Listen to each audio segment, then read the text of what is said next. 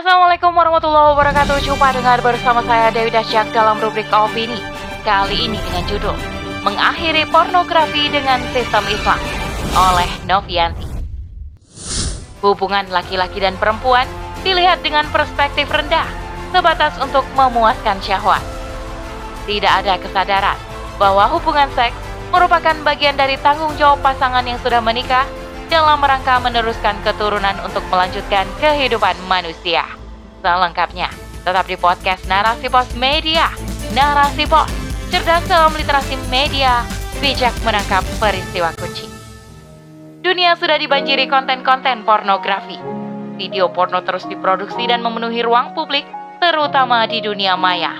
Seperti baru-baru ini, video kebaya merah yang mempertontonkan adegan hubungan badan perempuan yang berperan sebagai karyawan dengan laki-laki sebagai tamu hotel. Korban pornografi juga sudah menyentuh mereka yang masih anak-anak. Mereka seharusnya dijaga dari lingkungan yang merusak, namun faktanya mereka pun sudah tercemar.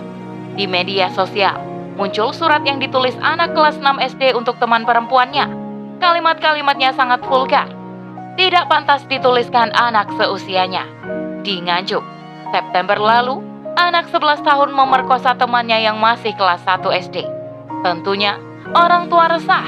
Terlebih konten pornografi saat ini muncul dalam berbagai stimulasi sensorik yang sangat kreatif. Hubungan laki-laki dan perempuan dilihat dengan perspektif rendah, sebatas untuk memuaskan syahwat. Tidak ada kesadaran bahwa hubungan seks merupakan bagian dari tanggung jawab pasangan yang sudah menikah dalam rangka meneruskan keturunan untuk melanjutkan kehidupan manusia.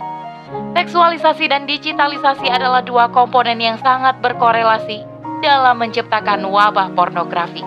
Seiring dengan bertambahnya pengguna internet, stimulator yang memancing birahi tidak terkendali, memasuki ruang hidup manusia tanpa ampun, tidak mengenal usia, waktu, dan tempat.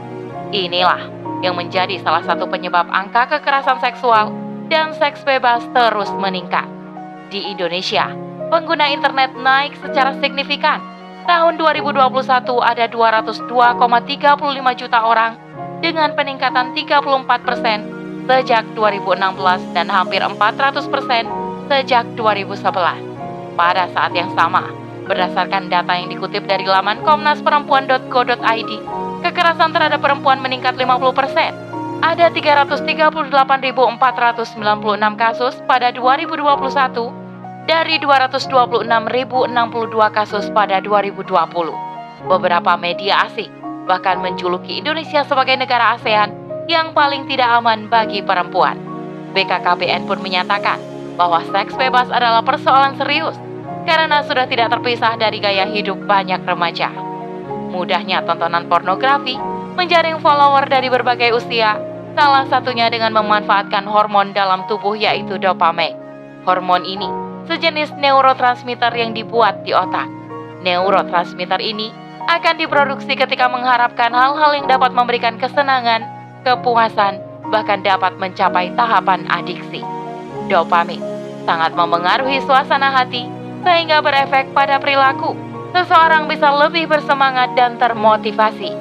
Namun, jika stimulator dopamin berlebihan, maka dapat mengakibatkan kecanduan. Sifat dopamin ini dimanfaatkan para kapital yang kemudian menciptakan apa yang disebut oleh Umar Haq sebagai ekonomi dopamin. Dopamin dieksploitasi sehingga manusia terobsesi oleh apa yang ia indera dan ujung-ujungnya menguntungkan industri. Ekonomi dopamin dibangun pemodal, industri, teknologi, para marketer yang membuat jutaan orang berlomba mencetak algoritma. Ketika media sosial dibanjiri oleh konten pornografi, akan memicu dopamin bagi pelaku dan yang melihatnya. Ada beragam industri yang menikmati keuntungan. Pemilik akun terobsesi dengan dirinya sendiri. Foto atau video bisa dimanipulasi oleh beragam fitur yang menampilkan gaya hidup hedonis dan pergaulan bebas.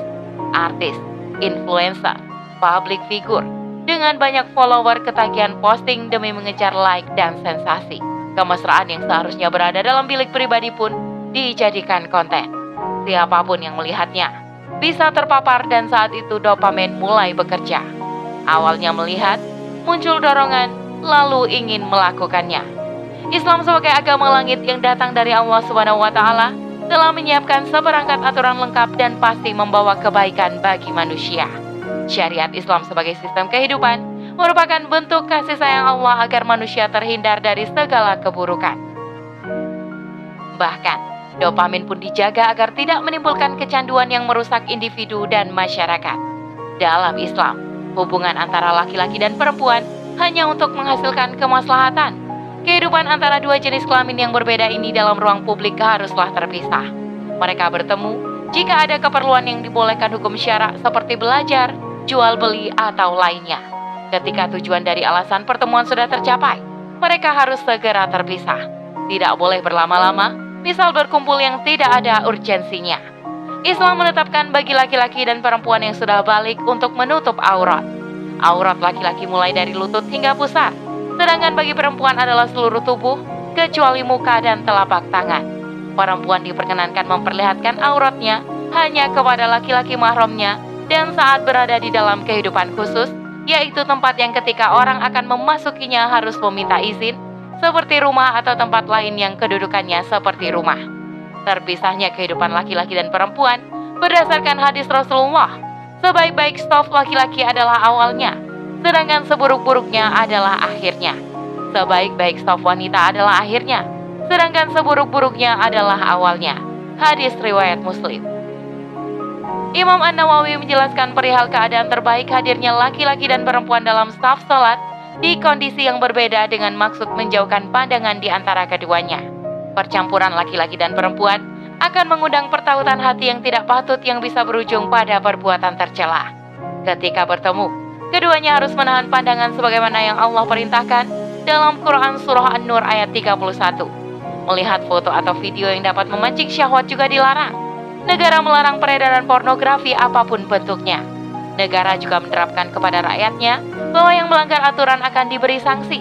Sanksi atau hukuman yang diberikan tergantung dari perbuatan yang dilakukan. Jika ada yang membuka auratnya di wilayah umum, hukumannya dalam bentuk takzir yaitu ditentukan oleh khalifah pemimpin negara dalam sistem Islam. Menurut Syekh Abdurrahman Al-Maliki dalam bukunya Nizam Ukubat, takzir atau hukuman wanita yang tidak menutup aurat berupa dicambuk paling banyak 10 kali. Apabila masih melakukan pelanggaran bisa dipenjara maksimal 6 bulan. Hukuman bukan bentuk menyiksa atau mematikannya, tetapi sekedar memberikan pelajaran kepada pelaku.